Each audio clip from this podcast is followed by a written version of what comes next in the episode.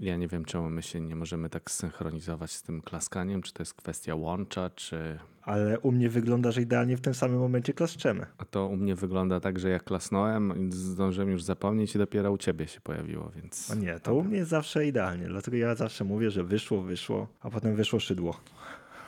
I zaczynasz już, wiesz, to jest ten problem, że ja chciałem właśnie o tym mówić, a ty już zaczynasz do tego pić. Mimo wszystko ja powiem dzisiaj serdecznie witamy. Witamy was serdecznie w naszym słuchowisku, który to już odcinek 62. Drugi. Tak, witamy serdecznie. Morawski Karol. I Iwański Tomasz.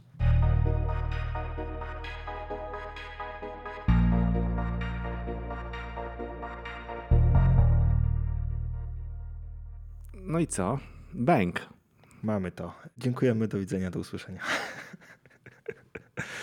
Dobrze, Tomasz, y, ja chcę usłyszeć, co masz do powiedzenia, bo już przeczytałem o tym, o czym, o czym będziesz mówił. Powiedz mi, jaka jest różnica pomiędzy 500 a 700? I to nie złotych. No właśnie, duża i mała, ale w sumie nie wiadomo jaka.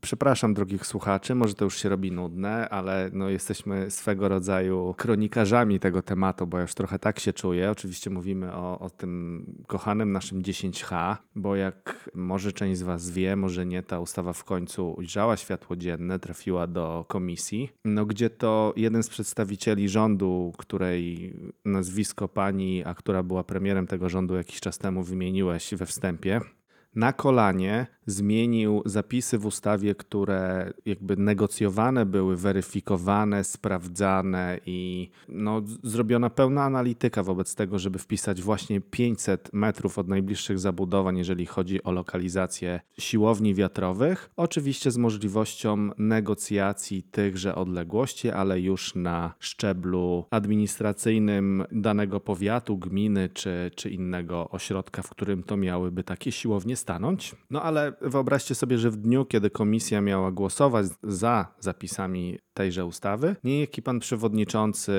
Suski zmienił na kolanie zapis z 500 metrów na 700 co śmieszniejsze, minister Moskwa nie wiedziała nic na ten temat tak naprawdę, bo jak przytaczane później były wypowiedzi pana przewodniczącego, dzień wcześniej wieczorem konsultacje były prowadzone na ten temat i stwierdzili, że zmienią z 500 na 700. No ewidentnie pani minister była zdziwiona, żeby nie powiedzieć zniesmaczona tymże, ale oczywiście stwierdziła, że, że przyznaje rację, że, że taka zmiana jest wprowadzona i zagłosowała za nią. No i jakby ja strasznie źle się w ogóle czuję z tym, że tak kronikarsko, plotkarsko podchodzimy do tego tematu, ale on naprawdę zaczyna wyglądać po prostu kuriozalnie, bo do tego wszystkiego dochodzi jeden, moim zdaniem, najistotniejszy aspekt tej zmiany. Mianowicie nikt w tej komisji nie potrafił odpowiedzieć na pytanie, co zmiana tego fundamentalnego zapisu zmieni w kwestii instalowania tych turbin wiatrowych. I to jest tak porażające, że ja chyba na tym bym chciał tak naprawdę skończyć, bo w telegraficznym skrócie. Dzień przed głosowaniem wieczorem zmieniamy fundamentalnie zapis, nie wiedząc jak on wpływa na całokształt tego, co planujemy przegłosować. Na drugi dzień idziemy, głosujemy, fajnie. To tyle. Oczywiście ustawa w dalszym ciągu nie trafiła pod głosowanie w Sejmie. Państwo stykty.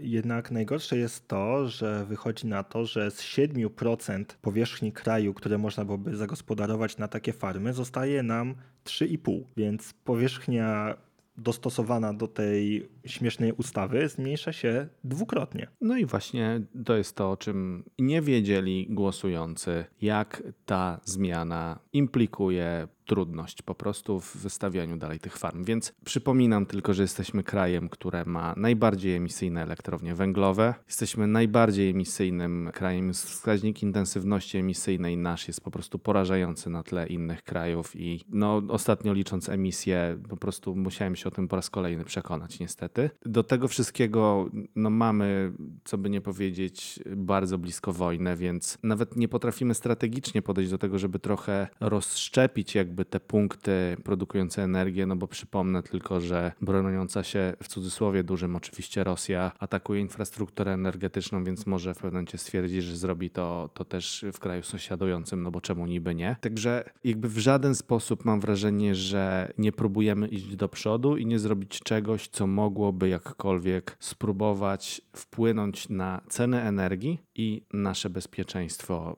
w następnych dekadach. Także to tyle jeszcze, zanim powiem oczywiście o tym, co mieszkańcy sądzą na temat turbin wiatrowych, które mają w swoim sąsiedztwie.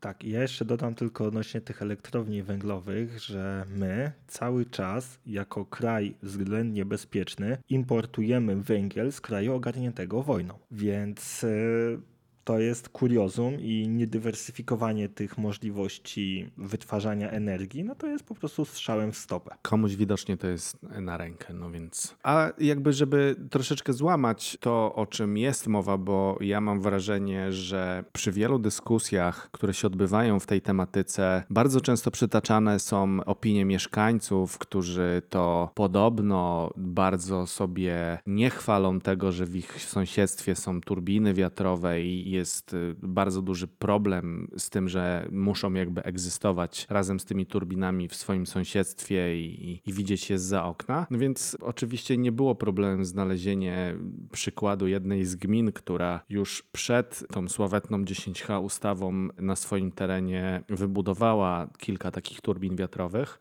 No jakby jasno mieszkańcy opowiadają się, że problemem jedynym jaki jest, to jest tylko i wyłącznie to, że atrakcyjność gruntów i cena sprzedaży ewentualnie nieruchomości, na których są zlokalizowane się obniżyła, bo nie widzą poza tym żadnych negatywnych skutków nie wiem, pola elektromagnetycznego, fal, hałasu, czy wszystkie inne argumenty są przytaczane przeciw, więc jakby no absolutnie to nie istnieje i, i ja niejednokrotnie na własne oczy widziałem turbiny, które wybudowane są wręcz w ramach gospodarstwa domowego, bardzo niedaleko od mieszkańców, którzy jakby absolutnie nie podnoszą tego, a nawet są w stanie stwierdzić, że dzięki temu po pierwsze zarabiają, bo nie oszukujmy się, że na czyichś działkach to jest i dzierżawy czy innego rodzaju daniny wynikające z tego, że powstały tam turbiny wiatrowe, jakby dodają im do budżetu i to momentami niemałe pieniądze w skali kilkunastu albo kilkudziesięciu lat, bo o tym też warto pamiętać. No i też niejednokrotnie mają wpływ na to, że po prostu te przedsiębiorstwa w ich gminie po prostu zostawiają większe podatki, co niejednokrotnie jasno przekłada się na jakość życia osób, które w tych gminach mieszkają. Także to tyle z drugiego punktu widzenia ode mnie. To ja tutaj przytoczę takiego mimika. Pan premier prowadzi dyskusję z panią dziennikarką, która mówi: Panie premierze, ale ludzie mówią, że żyje się gorzej w Polsce. Pan premier mówi: Ale eksperci twierdzą zupełnie co innego. I wychodzi na to, że ludzie nie są ekspertami. Więc niestety, no ja nie miałbym nic przeciwko takiemu wiatrakowi, kurczę, umiejscowionego pół kilometra od domu, no byłby, to byłby. No. Lepsze to niż, e, nie wiem, spalanie śmieci albo elektrownia węglowa. No nie mówiąc oczywiście o smogu, o którym też można by w nieskończoność opowiadać, biorąc pod uwagę to, ile emitujemy różnych śmieci do atmosfery przez spalanie, które tak, a nie inaczej wygląda w miastach mniejszych czy większych, tak? Dokładnie. No dobrze, to jakby zmieńmy ton i idziemy do Mastodon. Tak, do Mastodona. Jakiś czas temu założyłem sobie konto na jednej z instancji Mastodona. Czym jest Mastodon? Jest to zdecentralizowana alternatywa dla Twittera. Dzięki temu, że jest zdecentralizowana, jest fajna, ale przez to, że jest zdecentralizowana, nie jest aż taka fajna. Dlaczego? Otóż, mianowicie użytkownik, który sobie zakładał konto na Twitterze, zakładał konto na jednym Twitterze. W tym wypadku, żeby założyć konto na Mastodonie, trzeba sobie wybrać instancję. Instancji jest dużo, część instancji jest blokowana przez inne. Ja się właśnie spotkałem z takim przypadkiem. Mianowicie założyłem sobie konto na instancji 10.10.10.pl, a większość obserwujących, których obserwuję, jest na instancji tak zwanym social.lol która jest pochodną witryny omg.lol i niestety przez to, że na tej polskiej instancji 101010.pl pojawiały się treści nieprzychylne, bądź takie, które powinny zostać szybko zmoderowane, ta polska instancja została wycięta przez SocialLol, przez kilka instancji mastodonowych, dzięki czemu ludzie, którzy byli obserwowani z tej instancji, nie byli widoczni na innych instancjach. Więc stwierdziłem, że trzeba wykonać proces migracji na inną instancję. Mianowicie, żeby coś takiego zrobić, trzeba mieć dwa konta. Na starej instancji i na nowej instancji. Ja sobie tutaj zapisałem, jak to robiłem, bo szczerze mówiąc, robiłem to pierwszy raz. Mianowicie po założeniu konta na tej drugiej instancji trzeba założyć alias starego konta na nowej instancji, czyli wpisujemy nazwę, jak, na, jak się nazywało stare konto.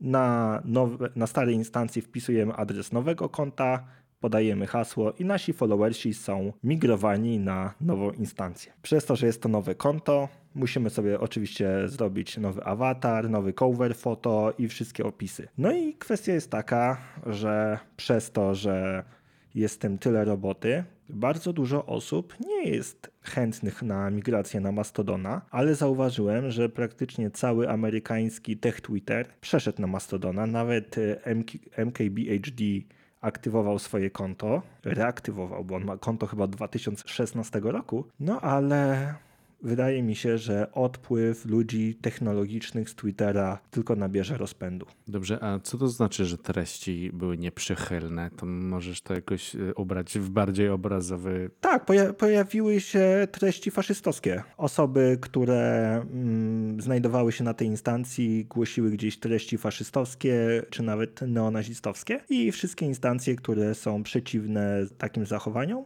zaczęły banować te osoby i w pewnym momencie cała instancja poleciała jako taka niebezpieczna dla środowiska. Myślałem, że bardziej prorosyjskie albo wręcz jakieś inne treści nielegalne, ale dobrze, rozumiem. No okej, ja na Mastodonie nie jestem jeszcze, więc y, nie myślałem o tym, żeby się przenieść, ale poczekam jeszcze na kilka opinii z Twojej strony. Przede wszystkim bardzo duży problem jest z aplikacjami, bo tak jak Tweetbot był już taki wypieszczony, dopieszczony przez tabbotsów, no to działało to super. Ja używam głównie aplikacji głównej Mastodona oraz aplikacji, która nazywa się Ice Cubes. No i niestety to odświeżanie feedu no nie jest takie fajne, takie seamless i płynne, jak to było zrobione wcześniej. Z aplikacji Ivory nie korzystam, no bo nie mam wykupionej subskrypcji a i przez to nawet nie mogę odpowiadać na, tweet, na tuty, przepraszam, innych użytkowników.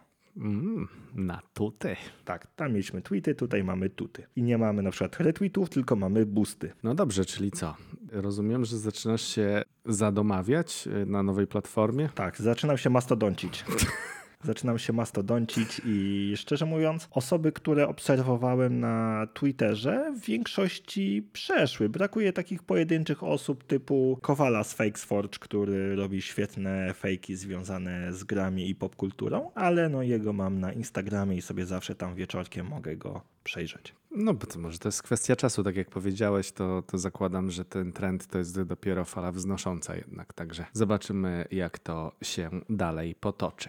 Dokładnie, tym bardziej, tylko że jeszcze jedną rzecz powiem, właśnie chyba dzisiaj albo wczoraj Buffer, czyli taka aplikacja do zarządzania social mediami, dostała możliwości tutowania, więc ten wachlarz aplikacji wspierających Mastodona naprawdę mocno się zwiększa. Okej, okay. no w porządku.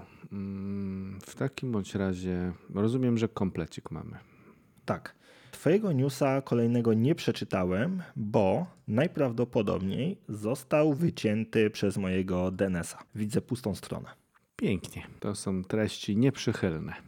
Tak, muszę później sprawdzić, co tam się stało. Dobrze, znaczy tylko pytanie, bo wkleiłem dwa linki, więc nie wiem, który ci nie działa. Ten pierwszy. A ten, ten pierwszy? z mapką. O, to ciekawe. Czyli Climate Central ci został przyblokowany. To, to bardzo ciekawa historia. Dobrze, do czego zmierzam? Mianowicie to już temat był wałkowany, ale y, chyba jeszcze przez nas nie omawiany szczegółowo. Mianowicie Climate Central, czyli jedna z inicjatyw, organizacja, która śledzi kluczowe zmiany klimatyczne, na podstawie dostępnych danych, algorytmów, stworzyła interaktywną mapę, którą sobie możemy pooglądać właśnie, jak klikniecie w link, który znajdziecie w opisie.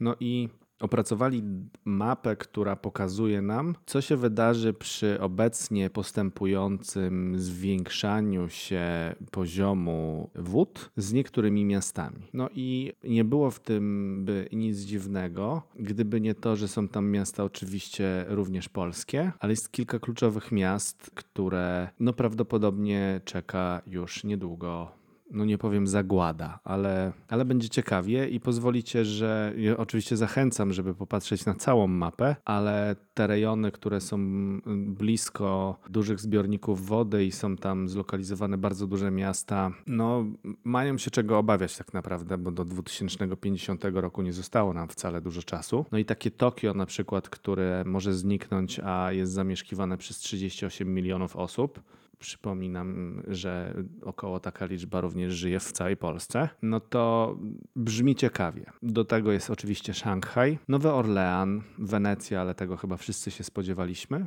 Amsterdam, Kopenhaga, Miami, no i Gdańsk oraz Elbląg. Także y, zwróćmy proszę na to uwagę i, i ktoś, kto. Ja akurat y, patrzę trochę pod kątem tego, jakie miejsca w, przez te kolejne dekady na naszej planecie będą tymi bezpieczniejszymi i, i proponuję też takie rzeczy brać pod uwagę, bo oczywiście może się to wszystko nie wydarzyć, ale weźmy pod uwagę, co się stanie, jeżeli chodzi o to, że zacznie rzeczywiście ten proces postępować i migracja z tak olbrzymich miast, bo te, które wymieniłem, są naprawdę zamieszkane przez miliony ludzi, może dotknąć zdecydowanie większej społeczności, no bo część z tych osób na pewno się przestraszy i będzie chciała wyemigrować gdzieś w bezpieczniejsze miejsca. Także zachęcam serdecznie do przeanalizowania tej mapy. Mnie najbardziej zaskoczyła Aleksandria, ale rzeczywiście, jak sobie tak przypominam z mapy, no to rzeczywiście ona się znajduje praktycznie w depresji, tak samo jak Amsterdam, więc nie ma się co dziwić, że ona zniknie. I dodatkowo wiem, dlaczego ta mapa się już nie ładuje u mnie. Niestety tam jest wykorzystywany Google Tag Manager i on jest u mnie wycinany. Musiałem się przełączyć na LT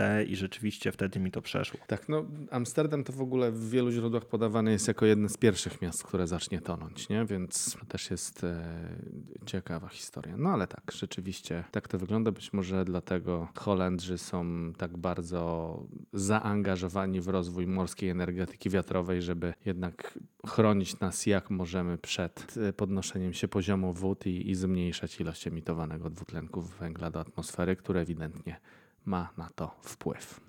No więc 10 miast, jeżeli lubicie podróżować, dodajcie do swojej bucket listy, żeby sobie je odwiedzić przed 2050 rokiem. Tak jest. W ilu z nich byłeś, Karol?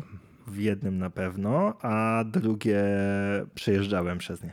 Mówię o dwóch ostatnich. Mhm. Elbląg, no to, no nie, to ja Elbląg zwiedziłem, Gdańsk też przez przypadek całkiem, w Kopenhaga, tak, Wenecja, no to chociaż no, kilka. światowy człowiek, No, kurczę. tak, na pewno. 40%. No ale no to słuchaj, tutaj trzeba się wybrać do Miami, od razu Nowy Orlean się zahaczy. Kurczę. Wracając, można zahaczyć o Amsterdam. O, o właśnie, widzisz. Dobrze, to co? Ja kończę, a gdzie przechodzimy teraz? Przejdźmy do nowego HomePoda ze starymi problemami. Jak wiecie, albo nie wiecie, bo nie słuchaliście ostatniego odcinka, Apple wypuściło nową wersję dużego HomePoda, który będzie dostępny pojutrze. W piątek będzie dostępny dla cywilizowanych krajów, gdzie jest wspierane, jednak część recenzentów technologicznych już go dostała. Nie wiem, czy pamiętacie, HomePod wyszedł w 2018 roku i tak zwany HomePod Gate czyli kwestia tego, że w momencie, kiedy on stał na lakierowanej powierzchni drewnianej, zostawiał bardzo brzydkie odgniecenia. Przez to, że ten woofer bardzo mocno pracował, niestety dochodziło do mikrodergań i ta bejca, jak to zostało pięknie przetłumaczone, została po prostu wygnieciona. Nowy HomePod, mimo przebudowanej podstawy, ma ten sam problem i Apple zaleca stawianie go na innych powierzchniach niż lakierowane drewno. Ale słuchajcie, jest plus. Jest bardzo duży plus tego HomePoda. Ma oficjalnie wyjmowany kabel. Więc jeżeli chcecie go sobie przepuścić przez na przykład przepust kablowy, możecie to łatwo zrobić, wystarczy mocniej pociągnąć wtyczkę i ona wyjdzie. Jest na bazie tak zwanej ósemki albo nieskończoności taki sam kabelek, jakim jest zasilany Mac Mini. To znaczy w starym HomePodzie też można było wyciągnąć tą wtyczkę, ona wychodziła, co więcej dało się ją włożyć, ale istniało bardzo duże prawdopodobieństwo uszkodzenia tego mesza. Okej, czyli została po prostu konstrukcja poprawiona tutaj w miejscu, gdzie jest mm, dostarczana energia elektryczna do urządzenia. Tak, no i gra podobno super. No, gra jak głośnik za 300 dolarów z asystentem głosowym. Więc szału nie ma, ale jeżeli ktoś jest naprawdę mocno w tym ekosystemie i chce sobie mieć głośnik, który jest bezproblemowy, moim zdaniem bez problemu będzie mu wystarczał. My się nie zaliczymy do, zaliczamy do cywilizowanych krajów, więc y, u nas nie doświadczymy jeszcze na półkach tego nowego urządzenia od Apple. Niestety, ale zakładam, że będzie pewnie bardzo często importowany do naszego kraju.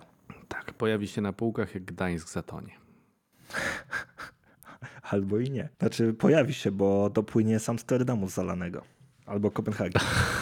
Okej, to szybciej z Kopenhagi. No dobrze, i co? Polecajki na koniec? Tak, ja mam dwie polecajki. Jedna jest stara nowa, mianowicie chodzi mi o film Knives Out, czyli po polsku Na noże. Jest to produkcja z 2019 roku, która jest naprawdę wysoko oceniana, właśnie widzę na IMDb, ma 7,9. Słuchajcie, film jest taką powieścią detektywistyczną, gdzie główny bohater nie jest głównym bohaterem. Toczy się śledztwo w sprawie zabójstwa pewnego pisarza i na scenę wkracza Benoit Blanc, który jest odgrywany przez Daniela Craiga i on jest podobno jakimś super słynnym detektywem, który został wynajęty do rozwikłania tej zagadki. No i powiem wam, że film trwa, żeby was nie okłamać, 2.10. Jest to długi film. Tak naprawdę w ostatnich 20-30 minutach wiesz dopiero, kto zabił bo intryga jest tak zręcznie poprowadzona, że nie sądziłem, że tak wybrną z tej sytuacji. Trzeba zwracać na pewne słówka, na niedomówienia i bardzo satysfakcjonujące jest zakończenie filmu, które nawiązuje do pewnych słów wypowiedzianych chyba w ciągu pierwszych 10 minut filmu. Więc bardzo. Oj, żebyś nie zaczął spoilować za, nie, nie, nie, za daleko, panie szanowny. Nie, nie, domyślisz. Jesteś w stanie domyślić się pod koniec filmu, co miałem na myśli, ale naprawdę bardzo przyjemnie się ogląda. Daniel Craig, Chris Evans, Anna de Armas, Jamie Lee Curtis. Naprawdę warto sobie obejrzeć. Jest dostępny na HBO. A drugą moją polecajką jest poniekąd kontynuacja tego filmu, czyli Glass Onion A Knives Out Mystery, który jedyną rzeczą, która łączy obydwa filmy jest postać głównego bohatera, czyli Benoit Blanca, także odgrywanego przez Daniela Craiga. No i on już nie jest taki fajny. Niestety nie jest taki fajny. Widać, że jest nakręcony przez Netflixa i zawiera wszystkie elementy Netflixowej papki, może bym tego nie nazwał, ale widać, że to nie jest ten sam producent filmu co wcześniej. No ale dobra, polecamy film, który nie do końca jest fajny w takim razie, czy znajdziesz tu jakieś plusy? Jeżeli chodzi o grę aktorską, jeżeli chodzi o satyrę świata współczesnego, jak najbardziej. Okay. Także o gwiazdy, które się znajdują, bo mamy Daniela Craiga, mamy Edwarda Nortona, Kate Hudson, Dave'a Bautistę i słuchajcie, pojawia się nawet Serena Williams. Mhm znana tenisistka, ale dosłownie na dwie czy trzy sceny. Warto obejrzeć ze względu właśnie na tą satyrę i postać Milesa Browna, odgrywanego przez Edwarda Nortona. Zakładam, że po pierwszych 10 minutach filmu będziecie wiedzieli, kogo znanego wyśmiewa ta postać. Uosabia najgorsze cechy osoby, o której nie mówimy. Hmm. Od niedawna całkiem. Tak, tak, od całkiem niedawna. Film też jest od całkiem od niedawna, jest dostępny na Netflixie i słuchajcie, naprawdę obejrzyjcie. Trwa nawet dłużej, 10 chyba czy 15 minut dłużej niż pierwsza część i nie zrażajcie się do tego, jak postać tego Benoit Blanca jest odgrywana, bo ja po pierwszych pół godzinie miałem ochotę wyłączyć ten film, bo ta osoba mnie strasznie denerwowała i zacząłem się zastanawiać, dlaczego tak jest odgrywana. Później się wszystko wyjaśnia, więc żebyście się nie zrazili po tych 30 minutach. No dobrze, ja nie oglądałem ani jednego, ani drugiego filmu, ale za to oglądałem ten, o którym ty mówiłeś dwa tygodnie temu, ja wspominałem tydzień temu i w końcu go obejrzałem. I jak? I polecam również. Wiesz co, jakby... Ciężko się nawet mówi o tym filmie, to jest najlepsze. No, jakby zgadza się. Zostały ze mną w głowie takie rzeczy, których nie chciałbym zdradzać, bo momentami naprawdę poziom abstrakcji sięga takich e, jakby leveli, lewe, leveli, leveli, poziom abstrakcji sięga poziomów, bez sensu trochę to brzmi, ale jest tak wysoki poziom abstrakcji, może w ten sposób, że aż naprawdę trudno jest w to uwierzyć, że ktoś mógł pokusić się o, o tego typu historię. No nie wiem, ja, ja jak sobie pomyślałem po tym filmie, jakbym miał go podsumować, żeby nie specjalnie zdradzać, chociaż jeżeli ktoś obejrzy, to będzie wiedział, co miałem na myśli, to są e, bajgle, parówki i fajne kreskówki, nie? I i, to, i, to, i to tak bym powiedział po prostu. Więc, ale naprawdę serdecznie polecam. Bardzo byłem jakby zdziwiony tym, jak podzielony jest na części ten film, że to nie jest takie oczywiste znowu, jak tak naprawdę nic w tym filmie nie jest oczywiste, więc nie dziwi mnie tyle nominacji, chociaż z drugiej strony mnie dziwi. I, i to jest to, o czym ty mówisz, czyli to, to jest, to wywołuje tak skrajne emocje ten film, że, że aż trudno jest o nim tak naprawdę mówić, więc, więc tak też bym podsumował. Jeszcze raz, bajgle, parówki i fajne kreskówki. Co do tego poziomu abstrakcji, tam była jedna scena, która była bardzo niesmaczna i właśnie ona też się wiąże z tym poziomem abstrakcji, mianowicie chyba najlepiej to odwzorowują słowa walka o statuetkę. Okej, no tak. To, to, to. Myślę, że to mówi dużo, ale nie zdradza za wiele. Tak, ale naprawdę warto sobie obejrzeć, żeby zrozumieć o czym mówimy. Serdecznie polecamy jeszcze raz. Tak, no i co, chyba tyle na dzisiaj, nie? Tak, dziękujemy. Dziękujemy i zapraszamy do zostawienia opinii tam, gdzie jest to możliwe, czyli w Apple Podcast oraz na Spotify'u i Baju, baju. do usłyszenia.